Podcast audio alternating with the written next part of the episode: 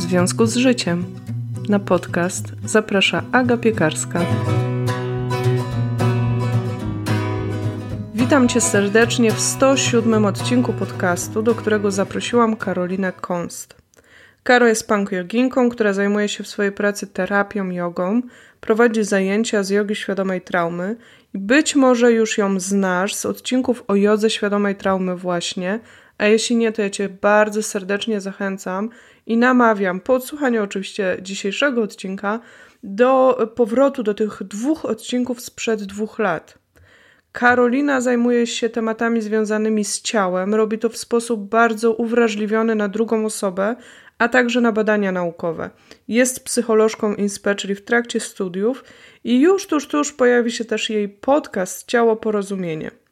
Ja bardzo lubię osobiście rozmawiać z Karoliną, ponieważ podobnie jak ja ma tendencję, aby wgłębiać się w tematy i nie cierpi ściem. Bardzo zależało nam na tym, aby przyjrzeć się w dzisiejszym odcinku intuicji poza taką towarzyszącą jej, mam wrażenie, aurą niedostępności, magii i tymi wszystkimi, powiedzmy szczerze, też mitami, które krążą w internecie, którymi narosła intuicja. Także Karolina, przygotowując się do dzisiejszego odcinka, zrobiła ogromny research, yy, sprawdziła różne badania naukowe, yy, podaje też tytuły książek, do których warto sięgnąć, jeśli chcemy przyjrzeć się tematowi yy, intuicji tak z bliska, bardziej realnie, czym ona jest, jak może nam jednak w życiu pomagać, a gdzie warto być ostrożną tak naprawdę. I Powiem szczerze tak, mam nadzieję, że ten odcinek dostarczy Ci wiedzy i takich osadzonych właśnie w psychologii, w nauce, podstawach do zgłębiania tego tematu u siebie. W tej rozmowie usłyszysz innymi o tym, czym jest intuicja, czy faktycznie intuicja jest osadzona w ciele, jak się ma nauka do tego potocznego też określenia o tak zwanych gut feelings, czyli tym, żeby słuchać swoich trzewi, jak odróżnić głos intuicji od y, głosu lęku, od lęków. Super ważny wątek dla mnie osobiście, ale wiem, że część z Was na pewno będzie mega tym zainteresowana, więc ten y, wątek pojawia się w połowie rozmowy. Również w tym odcinku usłyszysz o tym, kiedy intuicji może nie warto słuchać, jaki wpływ y, może mieć na naszą intuicję trauma, wychowanie w tak zwanych pozabezpiecznych stylach wychowania, a na koniec, już naprawdę na samym końcu tej rozmowy, mm, pojawia się jeszcze bardzo ciekawy wątek o traumie, intuicji i zakochaniu i tworzeniu relacji romantycznych. Co to wszystko ma do rzeczy, jak to się łączy. Naprawdę bardzo Cię zachęcam do wysłuchania odcinka do samego końca.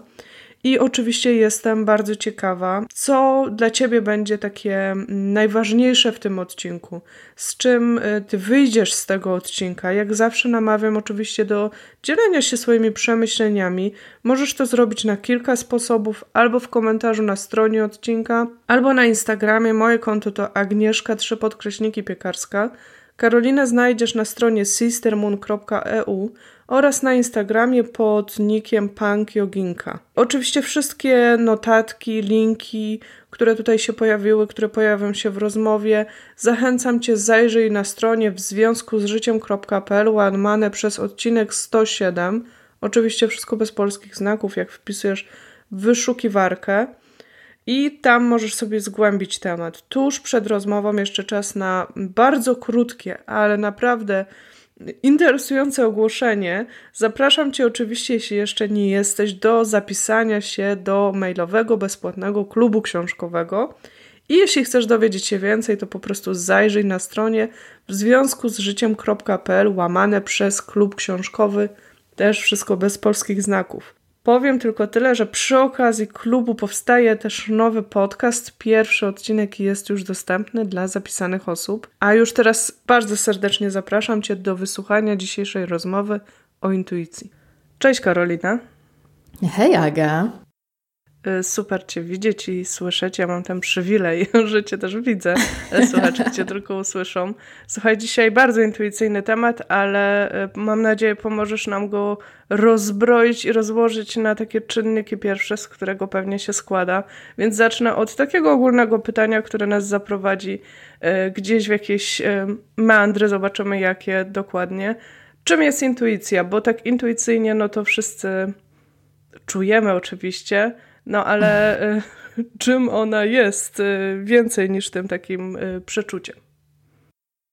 No, to wysoka poprzeczka, Aga, bo ja tutaj przeszłam z nastawieniem, że raczej postawię więcej pytań, ale, ale to jest zgodne w zasadzie z obecnym stanem nauki na temat intuicji, bo w zasadzie Okej, okay, potocznie, potocznie mniej więcej kumamy o co chodzi i do tego jeszcze przejdziemy, ale nauka nie doszła do żadnej konkretnej definicji tego, czym intuicja jest.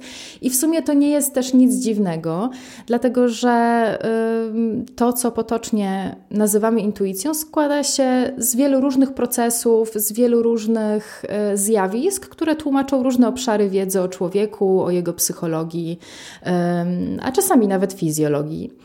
E, więc e, kiedy myślimy o intuicji, możemy sobie założyć, że myślimy o jakimś konstrukcie, o czymś, co nie istnieje de facto, tylko my na, my na potrzeby tego, żeby coś zrozumieć, tworzymy sobie taki koncept, prawda? Żeby coś nazwać. I intuicja jest takim, jednym z takich konceptów, no bo gdyby nie była jakimś konceptem, to pewnie byłaby jakaś ścieżka neuronalna albo, albo sieci neuronalne związane z intuicją, prawda? Albo coś bardzo konkretnego, coś w miarę jednorodnego, albo przynajmniej uchwytnego żeby móc to opisać. Więc mówimy o jakimś naszym e, konstrukcie, który nam służy do opisywania rzeczywistości. I troszeczkę sobie powiemy o tym, co nauka mówi o intuicji. Odwołamy się dzisiaj do tego, ale e, zaczniemy właśnie od tej mm, potocznej e, definicji intuicji, która też nie jest tak łatwo uchwytna. Ale myślę, że posłuży temu tematowi, żeby ująć ją w sposób, który nasz umysł lubi, czyli w sposób spolaryzowany, w takie dwa bieguny.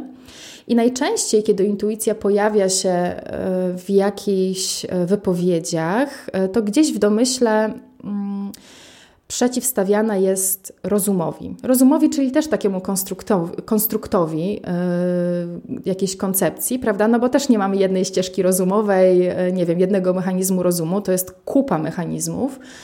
Yy, więc mamy tutaj takie dwa konstrukty, nie? Pomyślmy sobie, że mhm. mamy dwie, dwie koncepcje. Intuicyjnego myślenia, poznania bycia yy, i rozumowego myślenia, poznania bycia. I najczęściej, kiedy się mówi o intuicji, to one stoją w opozycji. No właśnie, jeśli mogę Ci tutaj e, wejść słowo, bo tak sobie pomyślałam, jak rozmawiamy, że intuicja to jest właściwie często e, mamy takie poczucie, że są ludzie, którzy mają tę intuicję i są ludzie, którzy jej nie mają. No bo są ludzie, którzy w jakiś magiczny sposób nie mogli tego wiedzieć, a jednak wiedzieli, tak? Y, no i w opozycji są ci, którzy się dowiedzieli i na tej podstawie, czy mieli jakieś tam klocki, powiedzmy, poszlaki, wiadomości i na tej podstawie zbudowali sobie y, logiczne rozumowanie na temat jakiejś tam mm. sytuacji na przykład, mm. tak? Mm. No to teraz y, każda osoba słuchająca może sobie odpowiedzieć sama, o której osobie miałaby ochotę teraz usłyszeć opowieść. Troszeczkę obstawiam, że o tej intuicyjnej. I, mhm. i, i nie, nie dlatego, że jestem uprzedzona albo coś faworyzuję, ale dlatego, że generalnie tego rodzaju opowieści są bardzo medialne, bardzo nam też zapadają w pamięć na zasadzie nietypowości, na zasadzie też jakiejś wysokiej emocjonalności, które się, która się z tym wiąże, prawda?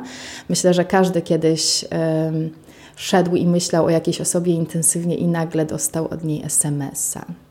Synchroniczność. I sobie ściągnęłam cię myślami, ale... Ale wiesz, ale... Y, przykład życia mojego, mhm. relatywnie niedawnego. Miałam intuicję, że będą zwolnienia grupowe w mojej firmie. Y, łącznie ze snem, który Przyszedł mhm. dwa dni, dwie noce przed y, tym, co się zadziało i rzeczywiście zwolniono mnie, zwolniono tam kilkadziesiąt innych osób. I teraz pytanie, czy ja mam jakąś magiczną intuicję? Jakby już z tym snem możemy tutaj debatować, tak? ale mhm. uważam, że nie była to intuicja, tylko miałam dostęp do raportów, do których inni też mieli i jakby widziałam, co się dzieje i na podstawie tego, jak pracowałam już w niejednej firmie i różne procesy widziałam, mogłam jakby składać sobie pewne rzeczy, które się działy, e, które dla innych osób siedzących obok, i ja to nazywam chcących się oszukiwać, brzmiały jak to, że ja jestem paranoiczką, e, bo mhm. składam sobie te klocki i, i te osoby jakby mogłyby powiedzieć, że miałam intuicję. A na tę intuicję złożyło się jakby ileś, e, ileś czynników takich, tak jak powiedziałaś, no jakaś wiedza, tak, poprzednia. Tak, Aga, no to najpierw odpowiem na Twoje pytanie, a potem skończę myśl. Z pewnością trafiasz w kilka punktów związanych z tym, co wiemy na temat myślenia intuicyjnego, e, z e, tą Twoją intuicją o zwolnieniach. To znaczy, intuicja to jest w zasadzie taka wiedza, w której wiemy coś i nie wiemy skąd to wiemy prawda? E, mhm. Ta, ta rozumowa wiedza, o której mówiłaś o tym człowieku, który tam logiką do czegoś dochodził, czy edukacją, to jest taka wiedza, w której my wiemy skąd to wiemy. Nie? To jest też taka, taki standard. Daj przypis, kumasz, nie? E, albo kto to powiedział. No to wiemy skąd to wiemy, ale w intuicji często jest tak, że e, w tym wglądzie intuicyjnym nie mamy pojęcia skąd to przyszło. I to też temu doznaniu nadaje troszeczkę magii, taką aurę czegoś niecodziennego. E, natomiast Ty poruszyłaś dwie takie kwestie w tym swoim poznaniu intuicyjnym, mianowicie taką, że masa naszych procesów myślowych, procesów pamięciowych, procesów uczenia się działa w sposób utajony. To znaczy, że my cały czas się uczymy różnych prawd o świecie z naszego doświadczenia. I my tego nie przetwarzamy świadomie. My nie wiemy, że się tego nauczyliśmy, a potem nie wiemy, że dysponujemy taką wiedzą. Okay? Natomiast kiedy zdarza się jakaś sytuacja, gdzie ta wiedza może być użyteczna, to nasz mózg tworzy na podstawie naszej uzyskanej wiedzy pewne przewidywania na temat przyszłości i nam je podsuwa. Okay? Więc, yy, więc może być tak, że no oczywiście świadomie też miałaś dostępy, yy, dostęp do raportów, ale równie dobrze mogłaś też na przykład wiedzieć albo słyszeć, gdzieś zasłyszeć w rozmowie, że szykują się zwolnienia, albo mogłaś słyszeć o, o innych korporacjach, przecież o tym się pisało w mediach, w których nie, nie, moja się masowo pierwsza. zwalnia. Twoja była pierwsza. No okay, dobra, no, nie, bo też... to było jeszcze przed tą falą, zanim Facebook zaczął zwalniać i tak dalej, no okay, bo teraz okay. jakby żyjemy w takim poczuciu, że mhm. rzeczywiście korporacje zwalniają, e, firmy mhm. internetowe zwalniają. Zresztą to jest mhm. też trend, mam wrażenie, który oni mhm. już podłapują od siebie i tu już nie trzeba mieć wielkiej intuicji, mhm. żeby wiedzieć, że oni będą zwalniać, a za jakiś czas będzie brakowało im ludzi i będą zatrudniać, to już wam intuicyjnie mówię oczywiście. Aga, no, no i super, ale wiesz, e, zarówno e, materiał dla snów może, może czerpać właśnie z tej naszej wiedzy utajonej, z czegoś, co gdzieś już nam weszło do głowy, ale my nie miałyśmy tego świadomości, prawda? E, jak i pewne przeczucia już na jawie mogą mieć podstawę, w sensie przypisujemy im większe prawdopodobieństwo zdarzenia się, ponieważ Gdzieś już mamy takie informacje, ale nie wiemy, że je mamy, rozumiesz? Więc nie chcę tutaj odzierać świata z magii, ale tutaj, możemy, ale tutaj możemy mówić o pewnej nabytej intuicji, prawda? To jest, e, to jest um, pewien wniosek, który wysnułaś z różnych poszlak um, obecnych w Twoim środowisku, prawda? Może jeszcze we śnie ci się jakaś wydobyła gdzieś tam spod tego Twojego progu świadomości Chociaż nie jestem ekspertką od snów, też sny nie działają tak w sposób e, bezpośredni często, nie chcę tutaj tego tak mhm. spłaszczać. Natomiast, e, natomiast może tutaj, możemy tutaj mówić o takim wglądzie, który ma źródła w wiedzy, która już istnieje, a nie pochodzi naddany z niebios, z wiedzy tajemnej, e, z tajnych częstotliwości itd. Tak nie? Więc Prawda o intuicji, e, przynajmniej na tyle, na ile my to teraz rozpoznajemy, jest może trochę mniej magiczna, ale, ale wcale nie musi być e, z takiej mistyki e, odarta, ale ta mistyka też nie musi być pseudonaukowa mhm. i taka mitologiczna. Nie? Więc nie chcę tutaj nikogo zniechęcać na starcie. No, to, to, to jest ta kwestia związana z Twoim, z, z twoim y, pytaniem odnośnie zwolnień. Y, to rzeczywiście możemy tutaj mówić o takim intuicyjnym wnioskowaniu, prawda? Ono się działo gdzieś poza świadomie, zebrałaś sobie informacje z otoczenia i pomyślałaś sobie, i one się gdzieś w, pewnym momencie objawiły myślą, mm, może idą zwolnienia. Nie, nie, moja myśl była, zwolnią nas. Zwolnią nas, no dobra. Ale też wiesz, no być może gdzieś coś podsłyszałaś, gdzieś coś kątem oka zobaczyłaś. My naprawdę wielu, e, wielu takich okazji do zbierania informacji w naszym życiu po prostu nie rejestrujemy, bo yy, mózg wyleciałby nam w kosmos. Yy, zwłaszcza w takim przebodźcowanym świecie, który bombarduje nas informacją w sposób nieporównany dziejowo z, jaką, z jakąkolwiek yy, naszą mhm. przeszłością gatunkową, prawda? To było takie a propos e, tego, że różne niecodzienne zdarzenia są po prostu bardziej medialne, one są bardziej wyraziste, są nietypowe, więc my naprawdę, więc one naprawdę przekuwają naszą uwagę. Więc jak sobie idziemy i myślimy o tej osobie i ona do nas zadzwoni, to myślimy, że mamy to specjalne połączenie. Zwłaszcza jeżeli sobie życzymy mieć specjalne połączenie z tą osobą, to jedna rzecz, ale przy tej okazji, kiedy sobie myślimy, mmm, przyciągnęłam Cię myślami, to jakoś umyka nam, ile razy szłyśmy i myślałyśmy o tej osobie i ona nie zadzwoniła. Nie napisała SMS-a. Nie, przy... nie przyciągnęłyśmy. Naprawdę, e, więc e, jeżeli sobie poprowadzisz taki dziennik statystyki, ile razy myślisz o danej osobie i ile razy y, zdarza się taka jakaś synchroniczność y, czy jakiś zbieg okoliczności, y, no to może statystyka wyjść bardzo na niekorzyść intuicji i Twojego połączenia z tą osobą, przynajmniej na takim, na takim paranormalnym poziomie. Ale to jest taka ilustracja tego, jak jak znamienne dla naszej pamięci są tego rodzaju nietypowe zdarzenia, zwłaszcza jeżeli wiążą się dla nas z jakimś zdarzeniem emocjonalnym. No bo jeżeli myślisz o swoim szefie, że cię wkurza i do ciebie napisze, to raczej nie będziesz myślała o specjalnym połączeniu. Raczej pomyślisz, to był zbieg okoliczności. Ten mnie dręczy, zawsze dzwoni.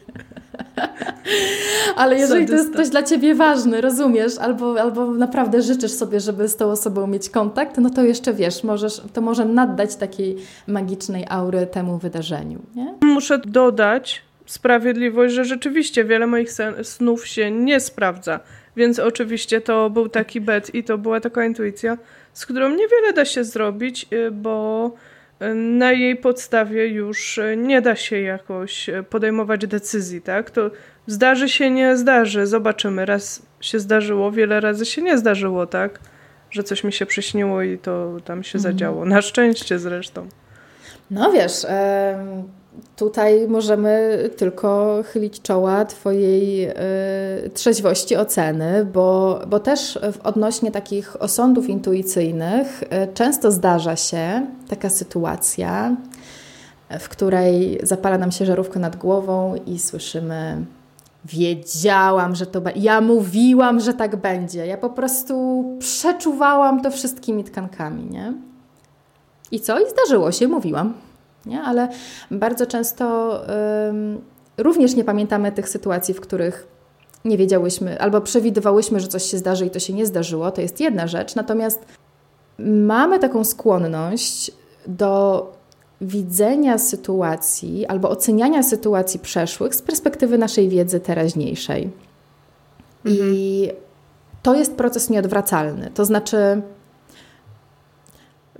Pewna bliska mi osoba, kiedy kiedyś mnie okradziono w, w, w tramwaju, Trójmiasto pozdrawiam, powiedziała mi, no przecież wiadomo, przecież, przecież to było oczywiste. No jak nie zwrócisz uwagi, to cię okradną. Myślę sobie, nieoczywiste. Na ogół mnie nikt nie okrada w tramwajach, no tak. nawet jeżeli jestem śpiąca.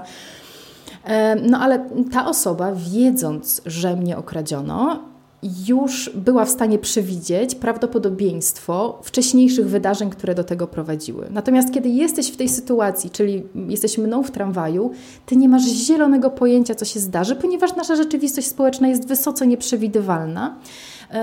I nie można na nikim, tak naprawdę, mm, nam nie można nikogo obarczać e, odpowiedzialnością za to, że nie przewidział jakiegoś losowego wypadku, ale to się często zdarza na przykład w ocenie decyzji lekarzy czy, czy jakichś takich decydentów wysokich, e, że my wiedząc, co się stało potem, nie kumamy, jak on mógł tego nie przewidzieć. Przecież mhm. to było oczywiste. Nie? I, I kiedy już się dowiemy, jaki był skutek danego działania, my nie, nie potrafimy głową wrócić jakby to było, gdybyśmy tego nie wiedzieli i oceniamy te osoby też z tej perspektywy, więc, więc czasami też te nasze intuicje możemy tłumaczyć, jeżeli się spełniły, prawda? I, i, wynajdywać te wiele znaków, które nam o czymś powiedziały. I też bardziej oczywiście to zapamiętamy niż te sytuacje, w których, w których zaliczyłyśmy pudło. Nawet jest takie badanie bardzo ciekawe. Zbadano zakochane pary, a no my to nagrywamy niedawno po, mhm. po święcie zakochanych. E, przebadano zakochane pary, kiedy były bardzo zakochane, nie wiem czy to było tuż po spotkaniu, i dwa miesiące później. I co się okazało? E, te pary, które nadal były ze sobą te dwa miesiące, potem nadal ich związek fajnie się rozwijał, e, oceniały różne intuicje na temat swojego partnera jako oznaki miłości od pierwszego wejrzenia. Ale te pary, które się rozstały, uważały, że e, już wtedy, już wszystkie pary, które na początku badania były w sobie bardzo zakochane, ale te, które się rozstały, już wtedy widziały oznaki tej i tej wady u tej i tej osoby kurczę, że ja to zignorowałam, przecież ja to wiedziałam, rozumiesz? E, myślę, że meritum e, tej naszej rozmowy do tej pory jest takie, że nasz umysł jest niezwykle podatny na różne błędy poznawcze, na różne zniekształcanie naszego odbioru rzeczywistości i różne tłumaczenie sobie e, tego, jak ta rzeczywistość przebiega. To jest ok, ponieważ na ogół tego rodzaju automatyczne myślenie, uproszczone myślenie działa nam dobrze. To jest e, taka nasza ewolucyjna zdolność do skrótów, bez których e, dawno pożarłyby nas lwy, my byśmy rozkminiały, jak zrobić pierwszy krok, czy ten liść to jest liść, a nie żółw i tak dalej. Nie? Więc na ogół intuicja służy nam dobrze, ale jest bardzo podatna na błędy poznawcze. I teraz Wyobrażam sobie, że część osób, ja byłam też jedną z tych osób, wyobrażają sobie, ale mnie to nie dotyczy, bo ja jestem czujna. Otóż istnieją nawet badania, które to akurat były badania na temat y, wyczuwania bicia swojego serca, których osoby, prawie 90% zapytanych osób uważały, że potrafią trafnie wyczuć bicie swojego serca, podczas gdy statystyka mówi, że to jest około 20%. Rozumiesz? Mhm. I były bardzo, bardzo, bardzo pewne siebie e, co do tego, e, jaką mają zdolność czucia, czucia samych siebie, a intuicja też jest bardzo z ciałem e, sprzężona. Więc wszyscy jesteśmy bardzo podatni na błędy poznawcze. I wszyscy mamy skłonność do myślenia, że inni są bardziej podatni niż my. Witamy w ludzkim świecie. Jeszcze tak sobie pomyślałam o tym, jak mówiłaś, że łatwiej nam wywnioskować, że coś było oczywiste. Przyszła mi do głowy książka. Nie wiem, ale czy to jest w Czarnym Łabędziu, czy to jest w Antykruchości e, Nasima Nikolasa Taleba, który e, właśnie pisał o tym, że nie buduje się pomnikom ludziom, którzy zapobiegli pewnym katastrofom, które się nie wydarzyły.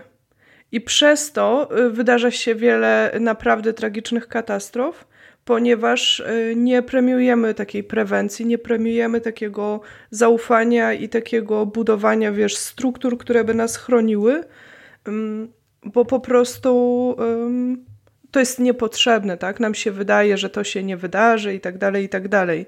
Więc y, myślę sobie, że ta intuicja tak gra w dwie strony i chyba y, też w gruncie rzeczy z tego punktu rozmawiamy, żeby tak trochę ją zdemitologizować i gdzieś znaleźć taki punkt y, środka, że wszyscy ją mamy, wszyscy możemy do niej mieć dostęp, a jednocześnie wszyscy się możemy mylić.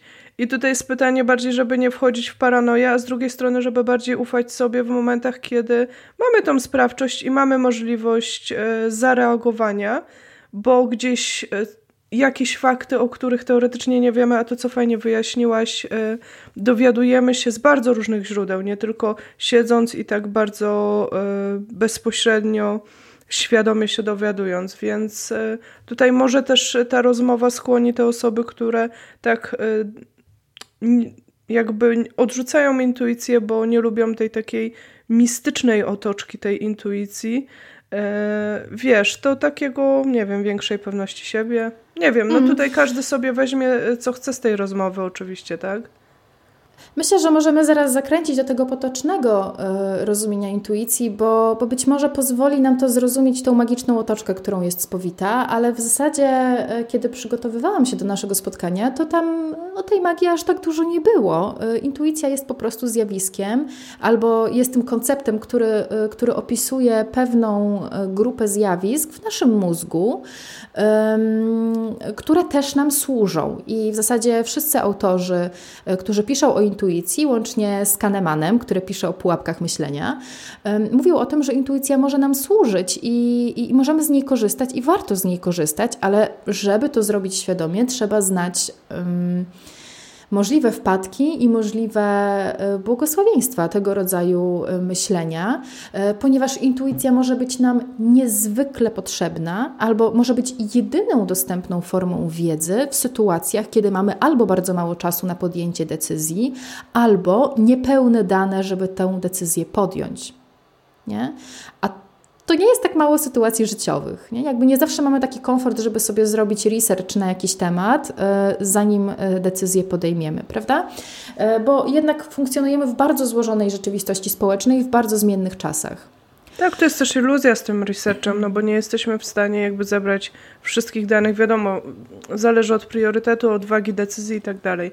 A słuchaj, ja bym Dokładnie. chciała Cię tu zapytać i skręcić w taką stronę intuicja a ciało i tak zwane gut feelings, bo um, Ty jesteś ekspertką od ciała i to na różnych polach, nie tylko w pracy y, z ciałem. Y, z jogą, ale też przecież e, wgłębiasz się w tematy bardziej naukowe z tym związane. Zaraz nam tu o tym opowiesz. Ale mam wrażenie, że pojawił się taki też, e, może przesadnie nazwę, trend, jak się pojawiła mm. nam moda na intuicję, o której mm. pewnie opowiemy kiedy indziej e, i za tym podążające intuicyjne biznesy i tak dalej, pojawił się też taki mm, trend na mm, przypisywanie intuicji tym gut feelings, tym właśnie, mhm. wiesz, że no jak to nie wiesz, e, gdzie jest twoja intuicja, zapytaj swoich bebechów.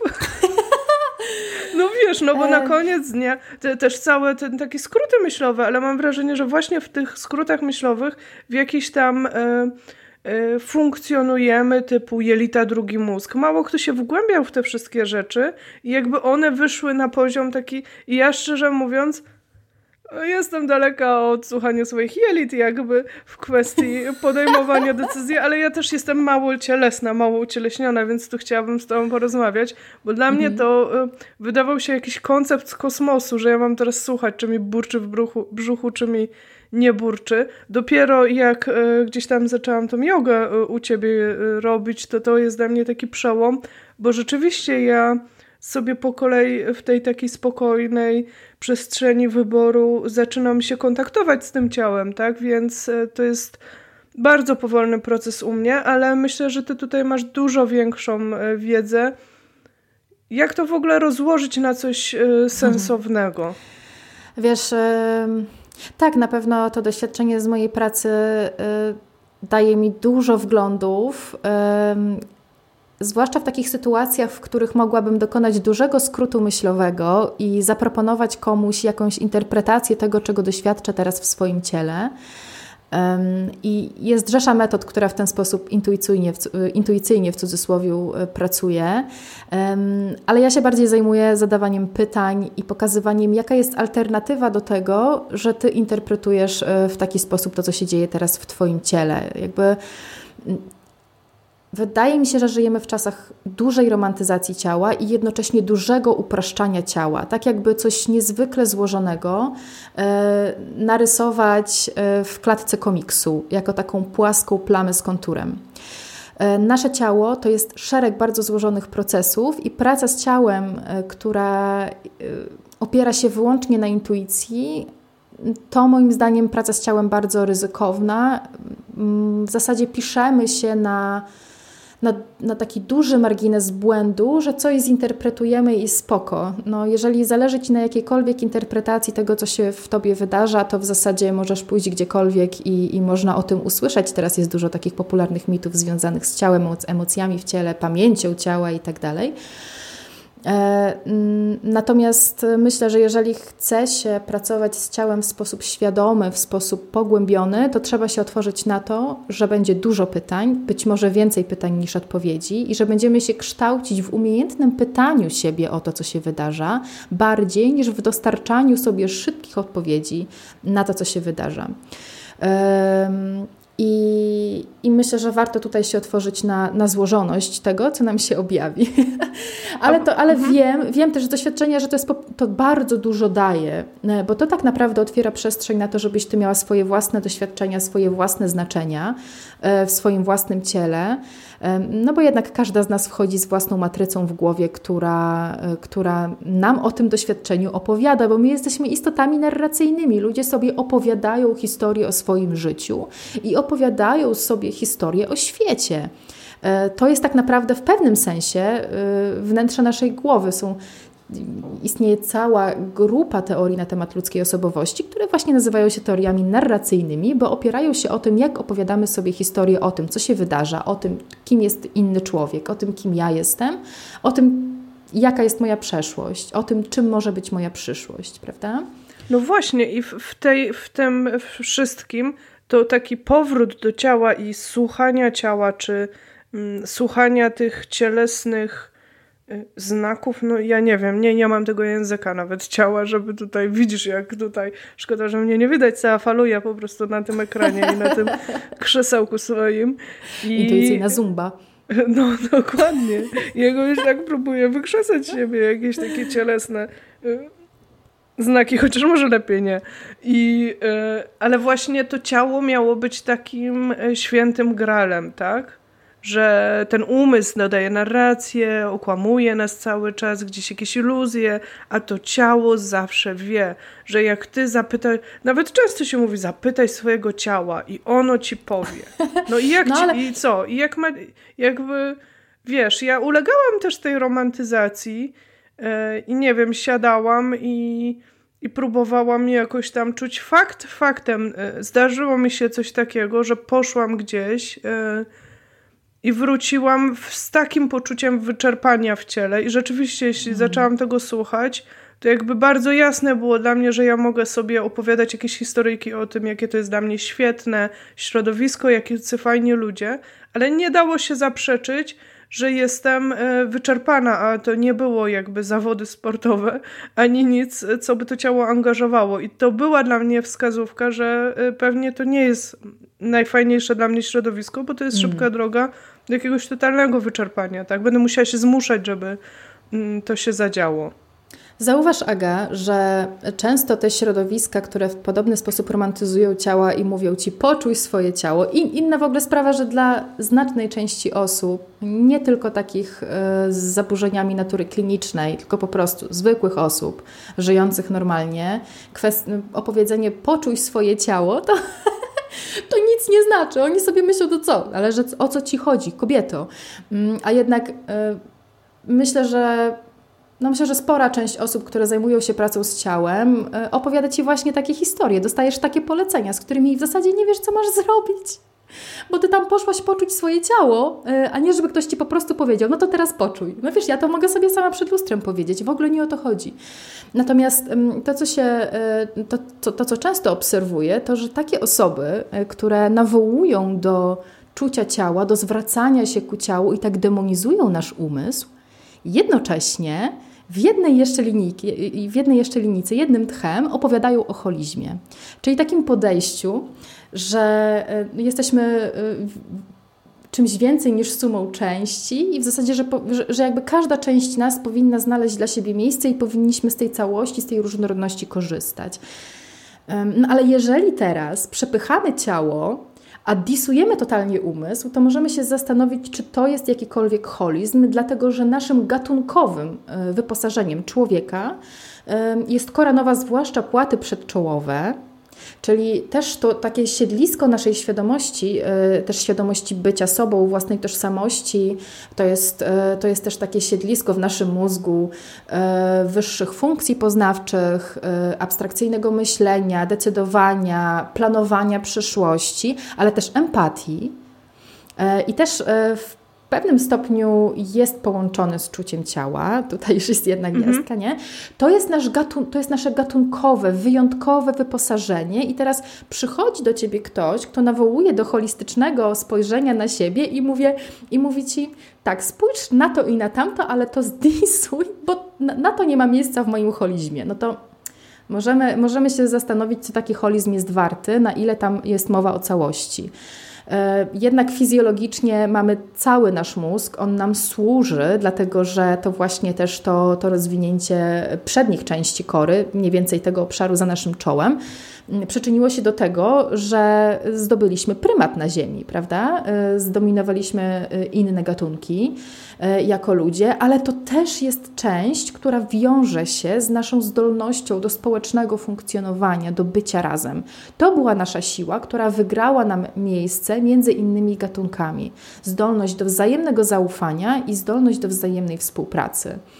Więc y, jeżeli ktoś redukuje nas do tego, że holistyczne jest tylko to, co cielesne i trzeba ten umysł po prostu gdzieś wpychać butem, y, no jak musi być, to niech będzie, ale niech nie przeszkadza, to w tym momencie nie korzysta z pełnego potencjału, nie jest też w stanie korzystać y, z dobrodziejstw intuicji, bo intuicja działa świetnie, ale według ekspertów, którzy badają to, jak, w jaki sposób myślimy, w jaki sposób odbieramy świat, Mówię tutaj o Kahnemanie, mówię też o Davidzie Mayersie, który napisał świetną książkę o intuicji, z której czerpię też wiele wiedzy na, na ten temat.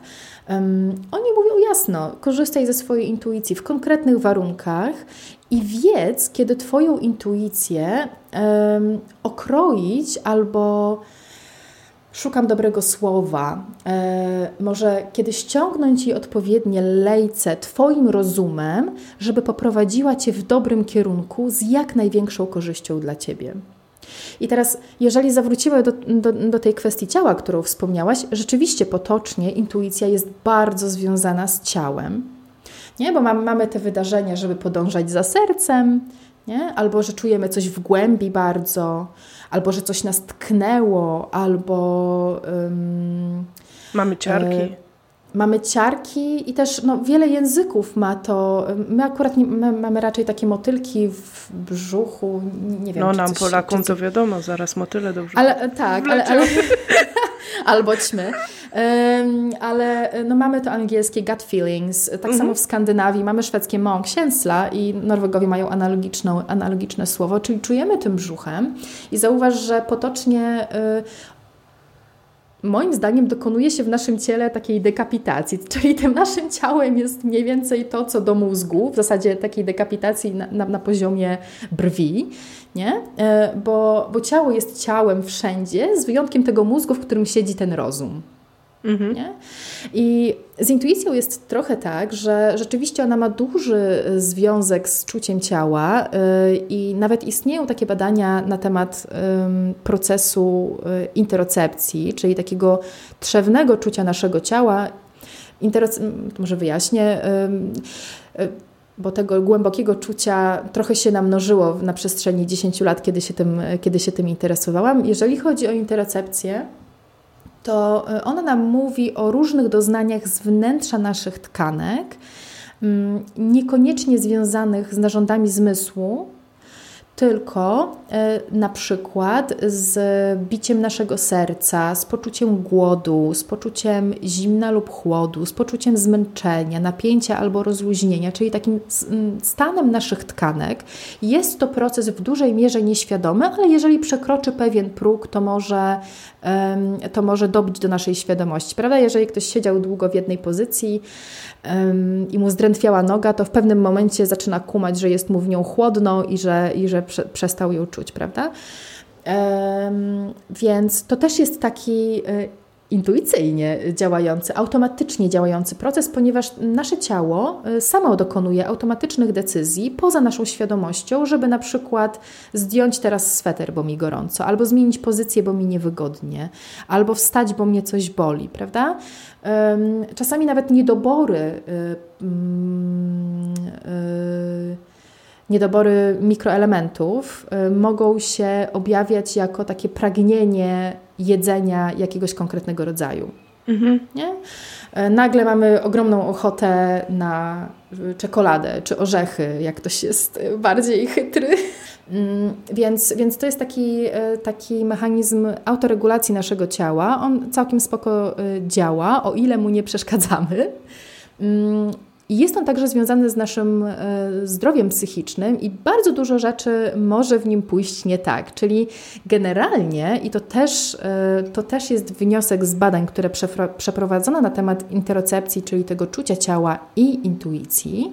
Generalnie, jeżeli intuicja działa trafnie, e, jeżeli czucie ciała działa trafnie, to i my potrafimy też trafnie je interpretować, bo jakby czucie ciała to jest jedno, że coś odbieramy, mm -hmm. No ale właśnie, nie? Ale jak ten Dużym język... kawałem naszego czucia, tak, dużym kawałem naszego czucia jest interpretacja tego bodźca, który się wydarza, nie? I, ym, i tutaj zaczynają się schody.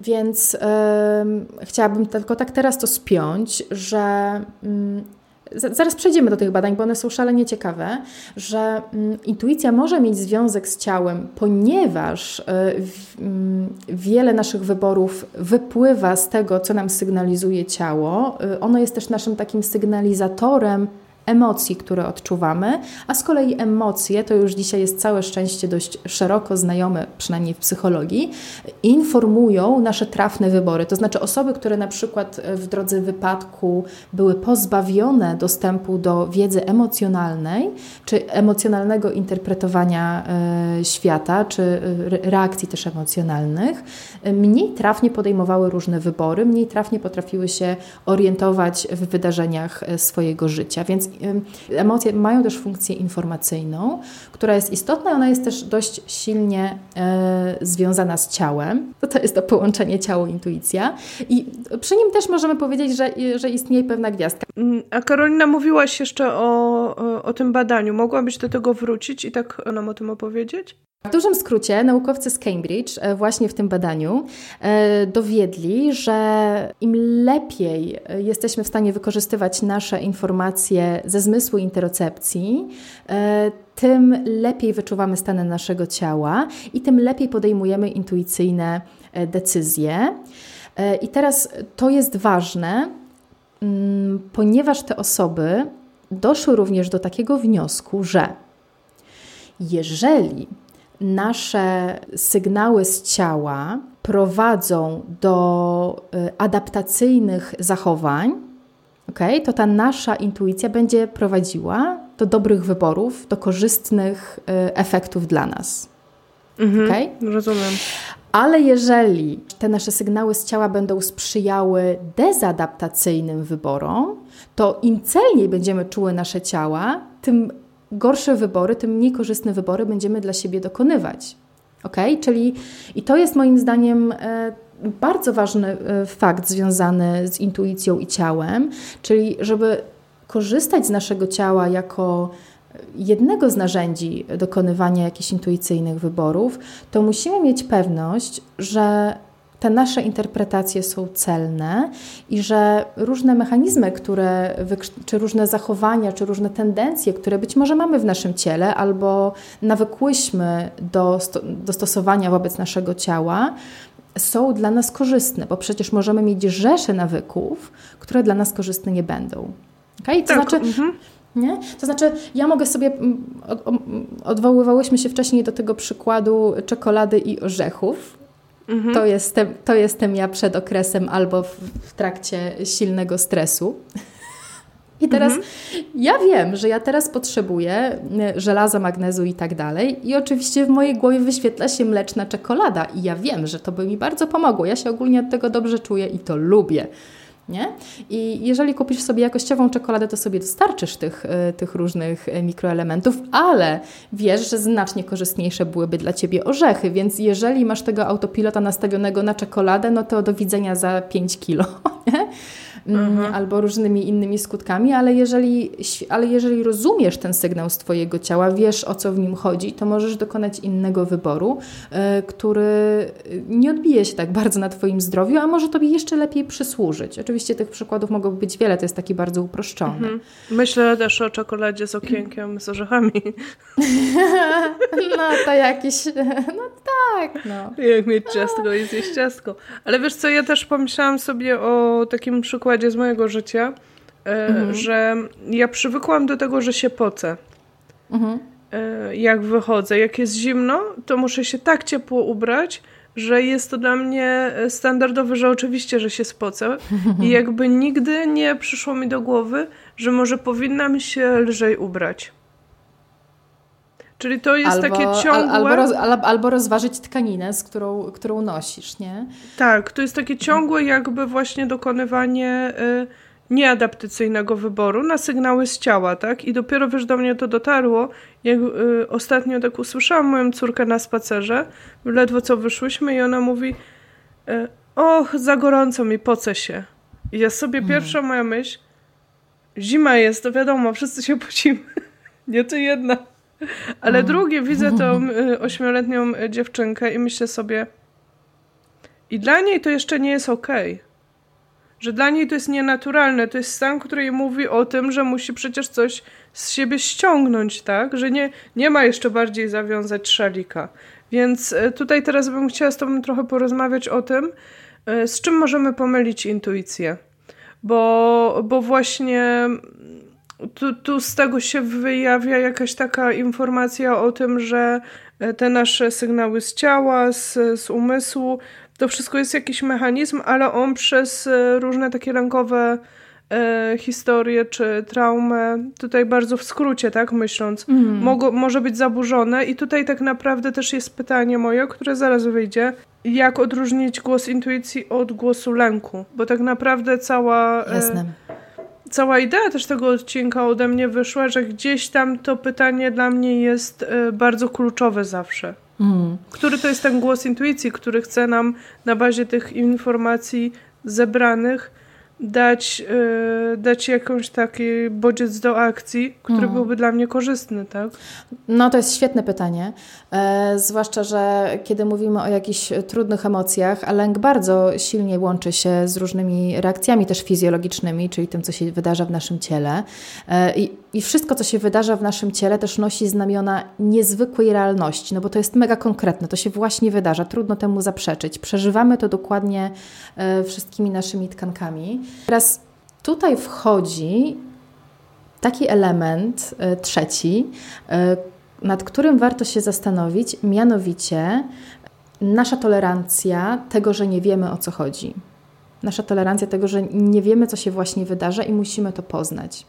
Psychologia ujmuje to w e, takiej definicji e, domknięcia poznawczego. Wszyscy z nas mają różną tolerancję i jakby różne nasilenie tej cechy. Jedni potrzebują takiego domknięcia mniej, inni bardziej.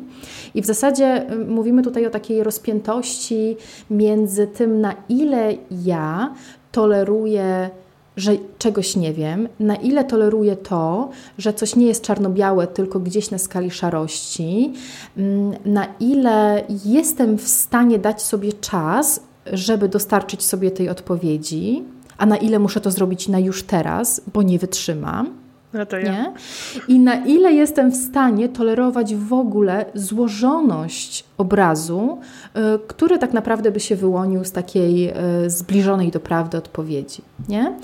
I um, kiedy przeżywamy dużo w ciele, i to jest coś nieprzyjemnego, bo raczej większość osób, które znam, y, atak paniki czy, czy jakąś reakcję lękową, raczej kojarzą z czymś nieprzyjemnym no to ta nasza potrzeba domknięcia poznawczego może być bardzo duża. I teraz e, chwilowo, bo jakby generalnie mamy jakąś taką naszą własną bazową, osobowościową, którą się różnimy między sobą, e, mm, osobniczo, między ludźmi, e, ale też no, w, pewne, w pewnych sytuacjach możemy mieć większą albo mniejszą tolerancję na to, że dzieje się coś i my nie wiemy, co to jest. I teraz rozważmy te słowa, w kontekście kraju, mówię o Polsce, w którym naprawdę ludzie jadą na odcince z ciała. My nie jesteśmy socjalizowani do tego, żeby znać swoje ciała. To się oczywiście zmienia teraz, ale moje pokolenie lat 80. za bardzo o tym ciele dużo nie słyszało. To znaczy, my naprawdę nie jesteśmy najlepiej wyedukowani w tym, że nasze ciało czuje, co czuje, więc nie, nie miałyśmy za bardzo okazji, żeby od dziecka uczyć się tej celności interocepcyjnej, celnego rozpoznawania, e, co się dzieje w naszym ciele, co ono nam mówi e, i co by należało wtedy zrobić tak, żeby było spoko. Nie? Mhm. E, I teraz, jeżeli my żyjemy w odcinku od ciała, to znaczy, że my go nie znamy. Nie? Mhm. Więc jeżeli go nie znamy, to bardzo trudno na, na, takiej, na podstawie takiej materii podejmować trafne decyzje. Jesteśmy trochę, poruszamy się w tym trochę po omacku. Jeżeli wbije nam jakaś trudna reakcja emocjonalna, nawet takie silniejsze emocje, nad którymi nam trudno zapanować, ale także na przykład reakcja lękowa czy jakaś reakcja potraumatyczna, to my nagle znajdujemy się w bardzo wyrazistej, bardzo silnej rzeczywistości ciała, o którym za wiele nie wiemy i radź sobie, nie? Meritum jest takie, że generalnie, jeżeli nie mamy dużej świadomości naszego ciała, jeżeli nie potrafimy też sobie zadawać pyta pytań ym, dotyczących naszego ciała, jeżeli nie zdajemy sobie sprawy, z tego, jak nasze ciało jest złożone, jak bardzo doznania w naszym ciele mogą mieć wiele źródeł, mogą mieć y, wiele skutków, mogą się też wydarzać w sposób złożony, no to w takiej sytuacji, y, jak na przykład ta lękowa, możemy dążyć do szybkiego domknięcia No generalnie, jeżeli przeżywamy dużo, to chcemy, żeby to się szybko skończyło. To jest często motywacja osób, które znajdują się w takiej sytuacji. To nie jest zabawne. Mhm. Mm, tak. No ale też pewne osoby mają taką skłonność, że one chcą od razu dostać szybkie odpowiedzi. No i wówczas y, z pomocą przychodzą na koniach y, we wszystkich kolorach tęczy różne pseudonaukowe metody pracy z ciałem, które bardzo skrótowo y, dostarczają, po prostu wjeżdżają Ci takimi gotowcami. Jak chcesz wiedzieć, to masz. Tylko pytanie, czy Ty chcesz poznać swoje ciało tylko po to, żeby rzucić sobie jakąkolwiek jakiekolwiek wyjaśnienie, czy chcesz naprawdę dotrzeć do jakiejś prawdy o Twoim ciele i o sobie, o tym, co się właśnie u Ciebie wydarza. I teraz wracając do tej potrzeby, potrzeby domknięcia poznawczego, e, osoby, które mają wysoką potrzebę tego rodzaju, będą poszukiwały jakiejkolwiek odpowiedzi. Jakby to, to, że one czegoś nie wiedzą, że one nie potrafią zacząć. Nie znasz swojego ciała, coś się w Twoim ciele wydarza i nieważne, czy to jest jazda lękowa, czy na przykład zbliżający się orgazm podczas seksu, nie? Nagle coś dużo, dużo czujesz, nie potrafisz tego jakoś specjalnie zinterpretować, nie wiesz z czym to jeść, więc jeżeli masz wysoką potrzebę domknięcia poznawczego, to nie pomyślisz sobie, spoko Karolina, słuchaj, daj temu czas, nie musisz teraz decydować. E, jeszcze będziesz mogła sobie o tym pomyśleć. Zobacz, jakie to jest doświadczenie teraz, gdzie ono się wydarza, czy jest Ci tutaj fajnie, czy chcesz, żeby trwało. Nie? Ta osoba pomyśli, że ona potrzebuje teraz szybkiego wyjaśnienia, e, jakiegokolwiek. Chwycisz się byle którego doświadczenia, ale e, wyjaśnienia, mało tego, jak już się go chwycisz, to często te wytłumaczenia stają się trwałe. To znaczy osoby e, z wysoką potrzebą domknięcia poznawczego często e, cechują się też dużą sztywnością poglądów. Czyli jak już raz nabędziesz tą wiedzę, nie? chociaż to było byle jakie doświadczenie na potrzebę chwili, to będziesz się go trzymała. Mhm. mhm. Jak nałożysz sobie jeszcze na to nakładkę taką, że my, że każda nowość dla naszego mózgu jest wyzwaniem, nie? Nawet miła e, nowość. Nawet miła nowość.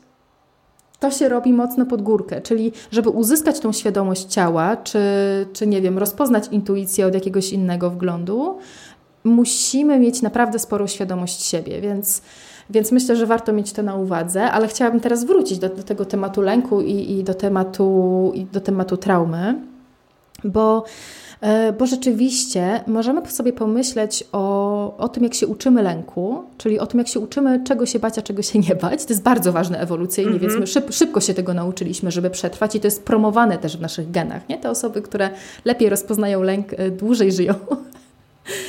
E, więc, więc my, my to Ale bodźce... jakiej jakości to jest życie? Przepraszam bardzo. No tak, ale, ale wiesz, e, no to było kluczowe w życiu zwierzęcia, prawda? Nie tylko człowieka, ale zwierzęcia, żeby szybko rozpoznać e, bodźce, które nas przerażają, czyli które są groźne albo które mogą nas zabić w jakiś inny sposób. I, i dlatego mamy bardzo sprawnie działające mechanizmy, które zapisują nam te wspomnienia, czyli czy te informacje, których się nauczyliśmy, uczyliśmy w mózgu bardzo trwale, czasami y, albo często na, na podstawie jednej próby. Nie? Jedno, doświadczenie Ci wystarczy, żeby się nauczyć, że tego trzeba się bać. I to by było proste, gdyby to tak tylko działało, ale jeżeli yy, na przykład yy, jakiś bodziec jest dla nas bodźcem lękowym, y, nie takie, że nie wiem, raz się nauczysz za dzieciaka, że nie należy dotykać ręką gorącego żelazka, no to wiadomo. Mm -hmm. E, ale, ale jeżeli to jest coś bardziej złożonego, mm, na przykład... Że ciemności kiedy... trzeba się bać. No na przykład, prawda? Albo, albo nie wiem, jeżeli coś skojarzysz, to na przykład często się dzieje przy, przy triggerach, e, czy takich bodźcach, bodźcach spustowych, przy reakcjach traumatycznych, bo to też jest przykład uczenia się na jednej, na jednej próbie, prawda? Po jednym wydarzeniu ty uczysz się, że coś jest bardzo groźne, że na przykład możesz sobie zapamiętać, że e, dana osoba, która cię skrzywdziła, nosiła czerwoną koszulkę nie? Mm, I ty możesz tego nie pamiętać, że, że, ona, że ona taką koszulkę nosiła. W ogóle nie możesz nie pamiętać, że ty to pamiętasz, ale możesz reagować później na osobę w czerwonych koszulkach wzrostem pobudzenia albo lękiem. I, yy, i taki lęk, którego nie trzymamy w szachu, bo to nie jest adaptacyjny lęk. Generalnie czerwone koszulki nie są niebezpieczne i ludzie w czerwonych koszulkach nie muszą być niebezpieczni, na przykład mogą być ratownikami, prawda? Więc y, taki lęk, który, który działa sobie gdzieś tam nam z zapleców, ma też tendencję do tego, żeby się uogólniać, to znaczy przenosić się też na inne bodźce. Czyli dajmy na to, możesz to przenieść na osoby w czerwonych spodniach albo na ogólnie osoby w t-shirtach. To, to jest taki bardzo zgrubny przykład, ale dla ilustracji. I teraz jeżeli masz świadomość, co to wykonywało, co, jakby skąd ten lęk pochodzi, a tego rodzaju wglądów poszukuje się na przykład w psychoterapii, prawda? Doszukujemy się, co tak naprawdę w danej sytuacji wywołało nasze odczucia, to czasami możemy dotrzeć. Może tak być, że to nie będzie dostępne naszej pamięci, trudno. Nie? Jakby może, możemy to nie powiązać z konkretnym faktem w autobiografii, czyli na przykład spotkałam kiedyś taką osobę i ona mi coś zrobiła złego i była tak ubrana, ale możemy dotrzeć do faktów teraźniejszości. Okej, okay, jak widzę osoby w czerwonych t-shirtach, to mi odpala coś, nie?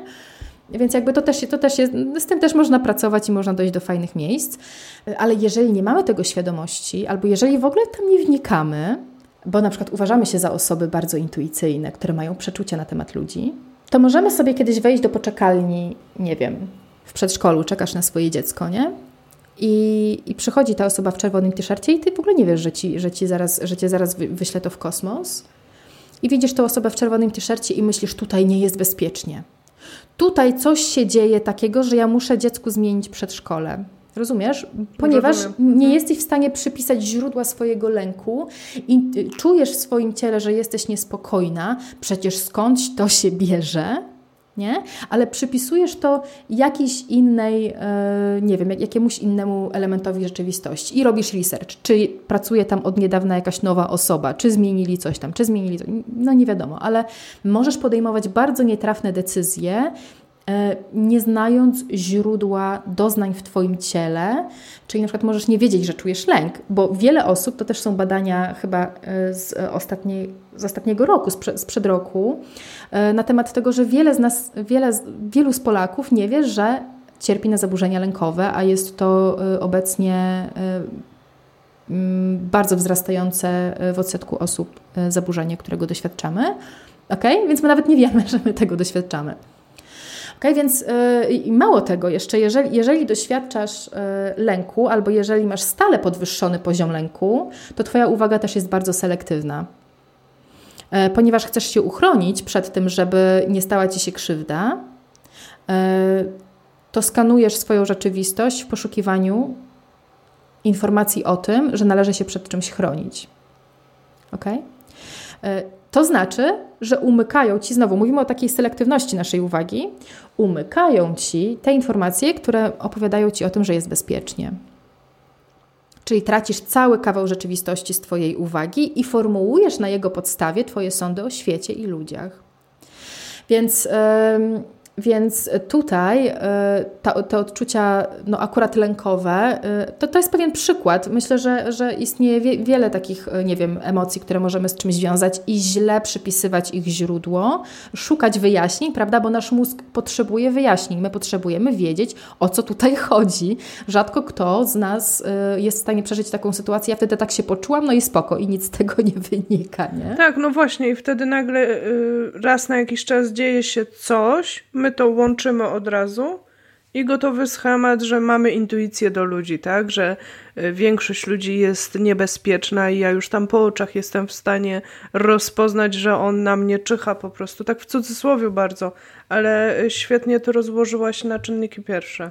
No i tak, i wiesz, i są takie środowiska, które bardzo promują intuicyjność, czyli y, one, tam wręcz w złym tonie jest dociekanie, o co chodzi w tej Twojej intuicji. Po prostu tak się poczułaś i tak jest. I to jest bardzo niebezpieczne, jeżeli opierasz na tego rodzaju e, przeczuciach twoje ważne decyzje życiowe i zaraz sobie do nich przejdziemy, bo, bo chciałabym jeszcze tutaj zakręcić do, e, do traumy, która jest jednak dość powszechnym doświadczeniem w naszym kraju i dość zaniedbanym, więc jest spora e, szansa, że ona działa sobie z backstage'u.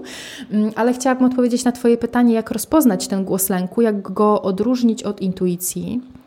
I myślę, że tutaj na pomoc mogą przyjść takie dwa rozróżnienia. Mianowicie na ogół, żeby intuicja mogła nam coś podszepnąć, um, potrzebuje ciszy, potrzebuje zatrzymania, ponieważ ona raczej mówi subtelnym głosem. Ona raczej, jej głos jest raczej cichy i łatwo go ominąć. Tak samo jak z czuciem ciała, prawda? Jak się dużo dzieje, to raczej nasza uwaga gdzie indziej płynie, a, a, nie do takiego czucia gdzieś, jak ja się czuję wewnątrz. Stąd dzisiaj tak bardzo popularne techniki uważnościowe, medytacyjne czy, czy właśnie jogowe bo żyjemy w rzeczywistości, która bardzo nas na zewnątrz orientuje i bardzo nas zajmuje. A doświadczenie lękowe w kontraście do intuicji jest bardzo wyraźne, jest często nagłe, jest silne i jest w nim coś z przymusu. Jak coś ci się wydarza i ma to związek z lękiem, to ty musisz coś z tym teraz zrobić. Takie stawianie pod ścianą. No, no tak, bo to, bo to jest taka dość, dość ekstremalna reakcja, prawda? Więc, więc myślę, że, że z lękiem możemy wiązać takie jakości, jak, jak właśnie coś nagłego, coś gwałtownego, coś szybkiego i coś bardzo intensywnego. Nie? Natomiast intuicja to jest raczej coś dość nienachalnego, e, co, co potrzebuje skupienia, potrzebuje samoświadomości, potrzebuje pewnego nastrojenia się też na to, żeby ona mogła wybrzmieć po prostu. Nie? I myślę, że, że też tutaj e, w kontekście intuicji możemy, to jest takie moje przypuszczenie, że intuicja, żeby mogła działać w taki nastrojony, dobry sposób, musi działać w sytuacji bezpieczeństwa. To znaczy, musimy się poczuć bezpiecznie. Więc jeżeli jeżeli wbija lęk, to raczej nie ma mowy o, in, o, intuicji. Chociaż rzeczywiście możemy mówić o tym intuicyjnym, na przykład unikaniu, nie wiem, odskakiwaniu przed samochodem i tak dalej. To tutaj mówimy o takim użyciu intuicyjnym w sensie naukowym, y, automatycznej reakcji wyuczonej gatunkowo. Nie? Albo Ale... lęk przed węgrzami, nie wiem, to też jest jakaś tak, tak, intuicyjność, dokładnie. Nie, no nie? Tak, tak, tak. Natomiast, e, natomiast e, jeżeli my myślimy o intuicji jako o takim e, wglądzie, jako o szukaniu różnych nowych połączeń też takich twórczych, prawda, czy, czy, czy wsłuchiwaniu się w jakieś, w jakieś takie bardziej zniuansowane, może mniej oczywiste, nie wiem, potrzeby swojego ciała, własne myśli, własne uczucia, prawda? To to bezpieczeństwo może być konieczne, żeby one w ogóle miały ochotę gdzieś wypełznąć, bo, jak nie, bo, bo jeżeli w, w, wlatuje lęk, to on po prostu wlatuje z butami. No i w zasadzie, no, no jeżeli nie, nie, masz takich dobrych technik opanowywania własnego lęku, to, y, no to on zabierze ci całą Twoją percepcję na daną chwilę, prawda? Na pewno przydatne może być też kształcenie takiej swojej, podat- y, swojej zdolności do, do tolerowania w ogóle posiadania emocji. I to też jest związane z tym, na ile tolerujemy to, że mamy ciało i ono czuje i przechodzi przez różne fizjologiczne procesy. Mm, I, i kształcenie, i kształ... no w psychologii nazywam to tolerancją afektu, czyli, czyli to, tolerowaniem tego, że możemy się zatrzymać i być przy sobie w jakimś stanie, pozwalać mu się wydarzać, pozwalać sobie wiedzieć, że nie wiemy, co się wydarza. To też jest wyższa szkoła jazdy, nie? Um, i może dać sobie czas, żeby zdecydować, o co w ogóle w tej, w tej sytuacji, w tej reakcji chodzi. Może teraz, tuż po niej albo w jej trakcie, ale, a może za parę dni, a może jak się spotkam z terapeutką, to, to po prostu podochodzimy do tego, o co w tym chodzi. E, I też wydaje mi się, że kiedy, że kiedy mm, jesteśmy w takiej jeździe lękowej, to czasami potem trudno nam odtworzyć jej przebieg i nasze rozumowanie możemy wręcz nawet nie pamiętać, o, o, co, o, co, tam chodziło, nie? w ogóle co się działo. E, zostajemy z samym wnioskiem, z tym, co, z tym, co nam potem, potem zostało i na, na ile on jest celny, na ile nie, to, to już jest inna kwestia, ale, mm, ale wydaje mi się, że w intuicji, chociaż e, no jeżeli ktoś tworzy na przykład intuicyjnie, pewna, pewna część intuicji może być, e, może być odpowiedzialna za procesy twórcze, też może nie wiedzieć, jakim, jakim trafem nam to się połączyło, ale być może gdyby się, gdyby trochę nad tym pomyślał, to, to by do tego do, dotarł. No, to znaczy też tak sobie myślę, kreatywność też e, bazuje na tym, że zbieramy sobie pewne mm, inspiracje i one potem e, podczas e, tworzenia jakby wychodząc z nas, wychodząc z nas, no mało kto pomimo wszystko siada i nie wie nic, na jakiś temat i, i, nie wiem, no dzieci nie piszą książek na przykład albo piszą je w specyficzny sposób, tak? Bo nie są w stanie czerpać e, z doświadczenia, więc e, hmm. myślę sobie, że, e, że tutaj jakby każda twórczość jest w gruncie rzeczy intuicyjna, jeśli przyjmiemy intuicję jako czerpanie z takich danych, które zebraliśmy przy okazji. Tak, z, twoje, z Twojej bazy wiedzy, nie? Ale, e, ale wiesz, no jesteśmy też e, właśnie niedawno po, po święcie zakochanych i chciałabym z okazji tego zakręcić do tematu traumy i intuicji.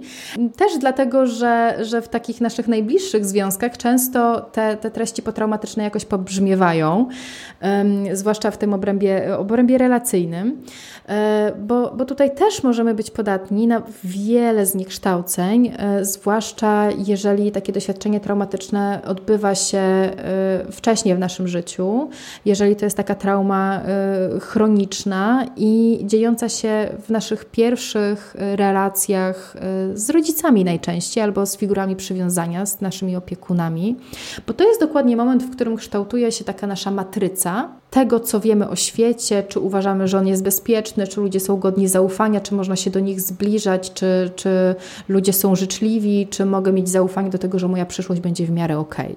Okay. Generalnie te style więzi dzielimy na, na bezpieczny styl więzi i grup, grupę poza bezpiecznych. I teraz, jeżeli mamy to szczęście, że, y, że rozwinęłyśmy bezpieczny styl więzi, no to spoko, będzie nam w miarę łatwo y, nawiązywać takie, no nie wiem, korzystne, dobre więzi z innymi ludźmi. Natomiast jeżeli coś tam się złego zadziało, to intuicyjnie okay, możemy przeczuwać, że świat nie jest bezpieczny, że trzeba, trzeba się mieć cały czas na baczności. I ta wiedza będzie oparta na, na podstawie, tak jak wspomniałyśmy na początku, tego, że nasz mózg bazuje na naszych wcześniejszych doświadczeniach, tworzy na, jego, na, ich, na ich podstawie pewne przewidywania na temat tego, co się może teraz wydarzać, a potem sobie paruje ten bodziec, który, czy to wydarzenie, które się dzieje i sprawdza, czy to jest zgodne z tym, z tym doświadczeniem, które było wcześniej.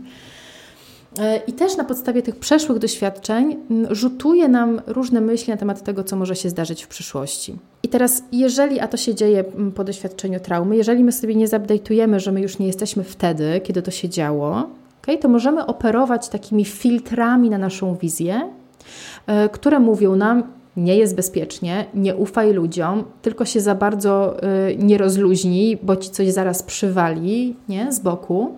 Więc y, albo nie spodziewaj się za dużo, nawet po to nie sięgaj. Przecież pamiętasz, jak to się skończyło, pamiętasz, nie wiem, jak ciebie wyśmiewali, jakie były przykre konsekwencje czegoś tam. I jeżeli pozostawimy tą intuicję, bo możemy w zasadzie o, o takich, o, te, o, tych filtrach mówić jako pewne nasze intuicje y, związane z tym, co przeczuwamy o świecie, że się zdarzy mm, no albo tak. jaki jest, prawda? Więc jeżeli zostawimy je same sobie, to one mogą nas prowadzić do szeregu bardzo nietrafnych decyzji życiowych i związkowych, i takich związanych nawet z karierą i po prostu prowadzeniem naszego życia. E, I myślę, że, e, że to ma też inny aspekt, e, mianowicie taki, że jeżeli na przykład w jakiś konkretny sposób skojarzymy sobie miłość, że miłość jest wtedy, kiedy ktoś mnie porzuca, miłość jest wtedy, kiedy ktoś mnie nadużywa, to my możemy się płomiennie zakochać, ale tak po prostu, że but, buty nam spadają w kimś, kto pasuje nam do naszej matrycy. ok? A kogoś, kto daje nam obietnicę innego doświadczenia, dobrego doświadczenia, którego bardzo nam trzeba i które generalnie mogłybyśmy wiązać z jakąś dobrą um, miłością, dobrym partnerstwem, może uznać jako coś, może w ogóle przegapić przede wszystkim, nie? Ponieważ, i tutaj trochę, trochę robię tutaj taką klamerkę do lęku, ponieważ kiedy spotykasz taką osobę, to po prostu jej się nie możesz oprzeć. To jest tak zajebiście prawdziwe i ty tak dużo czujesz, terapii yy, mówimy sobie halo, halo, bierzemy się za szelki i mówimy to, ale ty to sprawdź. Więc to, to intuicyjne zakochanie może nas wprowadzić w niezłe maliny, jeżeli ta nasza matryca związkowa może być yy, takiej natury, no niekoniecznie mówiącej o dobrej miłości, prawda?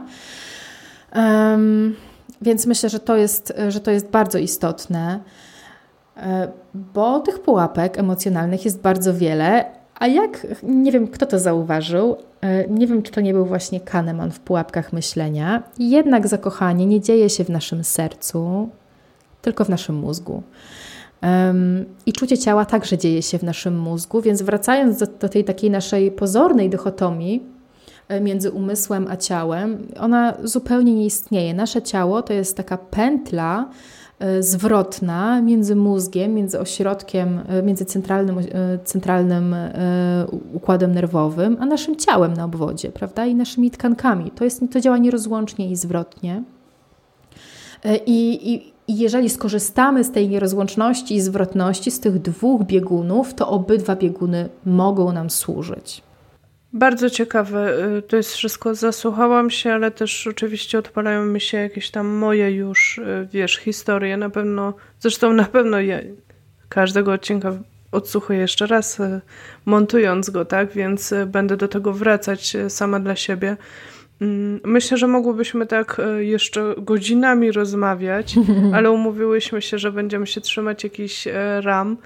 Mm, na koniec zapytam Cię tak trochę podsumowująco kiedy słuchać intuicji, a kiedy nie. Oczywiście każdy sobie zbierze. Myślę, że mm, bardzo mocno też wybrzmiało to, że y, potrzeba takiej otwartości, takiej wręcz y, spokojnej, cichej otwartości, i w tych momentach jesteśmy najbardziej dostrojeni do, do tej takiej intuicji służącej nas, chociaż oczywiście z drugiej strony to, co powiedziałaś, są w sytuacje w życiu, kiedy musimy reagować szybko. I te też takie intuicyjne, wręcz lękowe obawy przed wężami, pająkami, one się z czegoś wzięły i one nas chronią, więc znowu tu wracamy do takiego środka, tak? I do tego, że y, te bieguny y, istnieją i każdy z nich y, nam służy.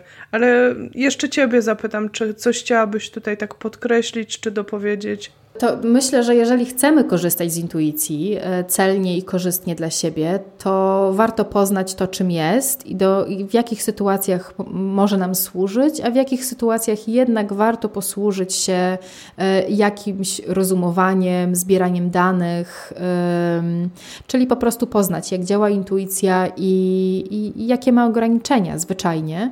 Jeżeli dla nas intuicja jest sprzężona z ciałem, no to po prostu e, warto tutaj dołożyć e, trochę wysiłku do tego, e, żeby poznać nasze reakcje z ciała i zadawać sobie przede wszystkim pytania.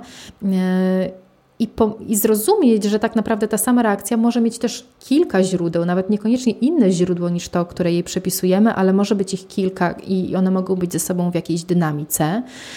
Mm, więc warto się upewnić, że to nasze czucie ciała działa prawidłowo. Myślę też, że warto zapamiętać, że wszyscy jesteśmy podatni na błędy poznawcze. E, każdy z nas może dokonywać skrótów myślowych, które nam na ogół służą, ale one e, to, to są często skróty myślowe albo mechanizmy wytworzone w toku ewolucji, to znaczy przystosowane do innych warunków niż te, w których my żyjemy, czyli one nie zawsze będą celne. Więc myślę, że tutaj bardzo ważna jest ta kwestia związana właśnie z zatrzymaniem, y, z zadaniem sobie pytania i w ogóle z poznaniem tego, co się wydarza. Mm, jeżeli, jakaś, jeżeli wpada nam do głowy jakaś intuicja, to zapytajmy siebie zaraz, ale czy ja mam jakiekolwiek podstawy, które świadczą o tym, że mogę tak myśleć, że mogę, mogę tak się ustosunkować do tej osoby, albo mogę mieć takie wrażenie e, pierwsze, prawda, dotyczące tej osoby. Czy jest coś w mojej przeszłości e, albo w moim dotychczasowym doświadczeniu, co predysponuje mnie do tego, żeby tego rodzaju wydarzenie przeżywać także w moim ciele, akurat w taki sposób, albo przy, przypisywać jakiemuś zdarzeniu w moim ciele akurat takie znaczenie. Nie?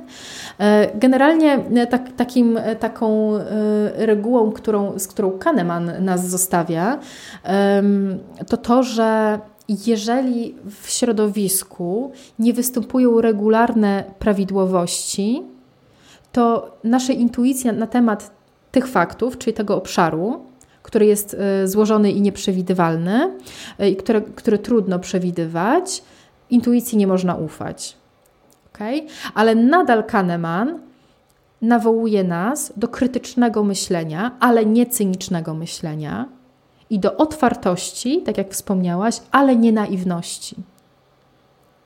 Nie? Um, i jakoś dzisiaj przebrzmiała parę razy, to jest ostatnia myśl, tak mi wpadła do głowy e, matryca. E, I, i w filmie Matrix w pierwszej części było takie, było takie sformułowanie: There is no spoon, nie ma żadnej łyżki. Więc myślę sobie, że, y, że na pewno warto przyjąć to, że ta nasza rzeczywistość jest po prostu bardziej złożona niż to, co nam się wydaje na pierwszy rzut oka, i warto docierać do tego, co jest poza tym. Tak sobie pomyślałam, intuicyjnie chyba być ostrożnym e, wobec e, osób, które intuicją zasłaniają e, wiele rzeczy.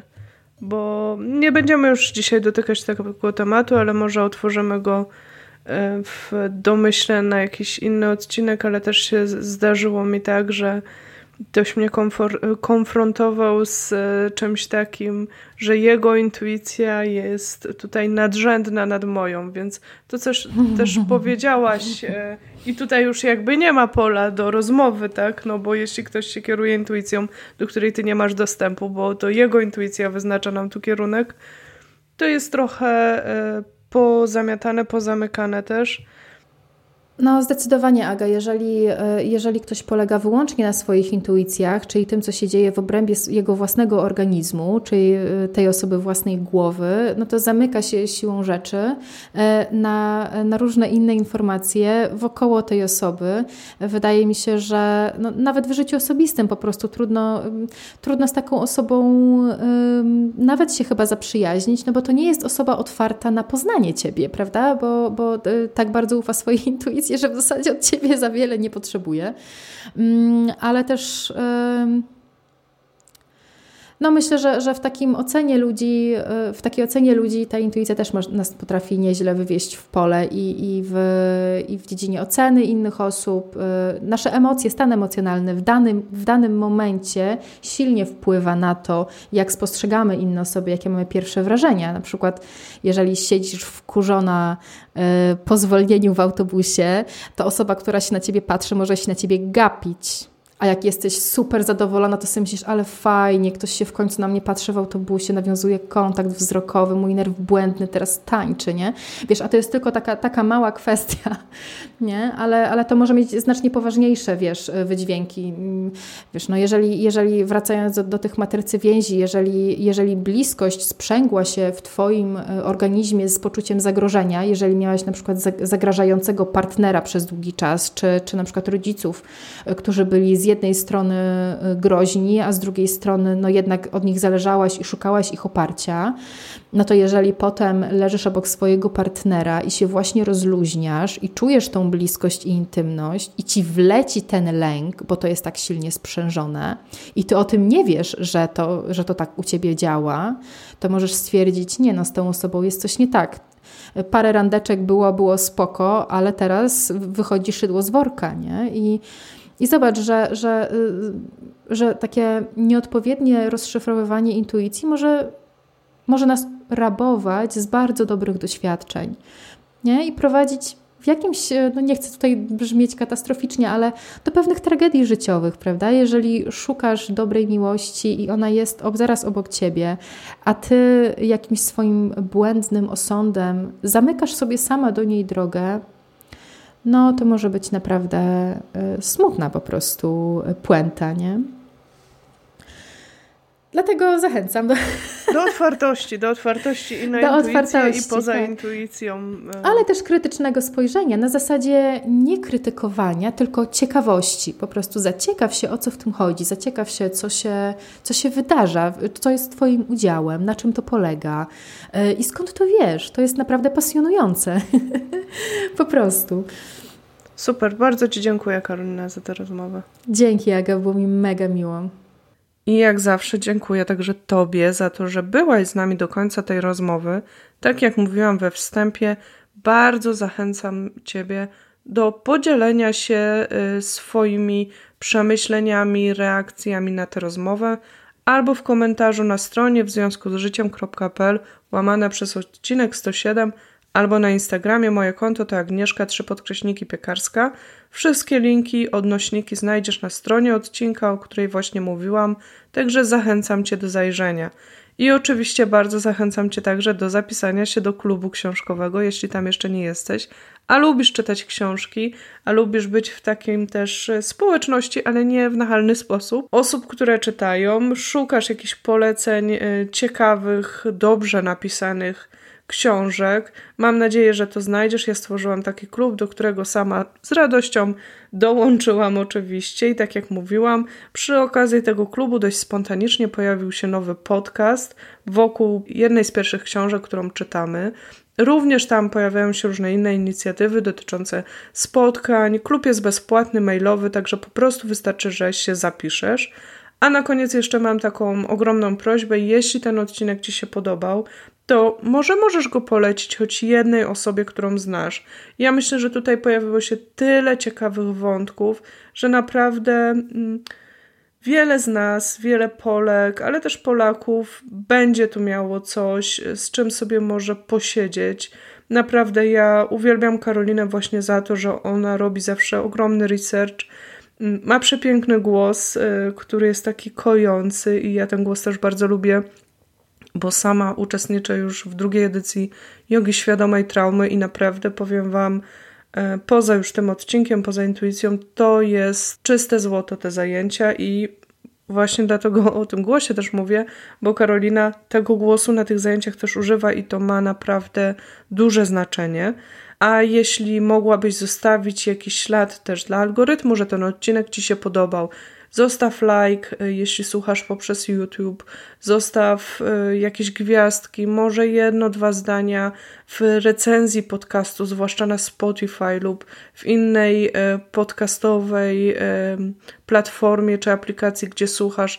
To będzie super cenne, to będzie naprawdę mm, duże podziękowanie w naszym kierunku i dzięki temu ten odcinek będzie mógł nieść się dalej, docierać do większej ilości osób, a przyznam szczerze, nagrałyśmy go też z taką myślą, że brakuje takiego jednego spójnego materiału, który właśnie byłby poza taką eteryczną i ezoteryczną e, aurą na temat intuicji. Ja już dzisiaj zapraszam Cię na kolejny odcinek podcastu niebawem, a dziś życzę Ci dobrego dnia albo wieczoru, zależnie od tego oczywiście w jakich okolicznościach słuchasz tego odcinka. Trzymaj się ciepło i do usłyszenia.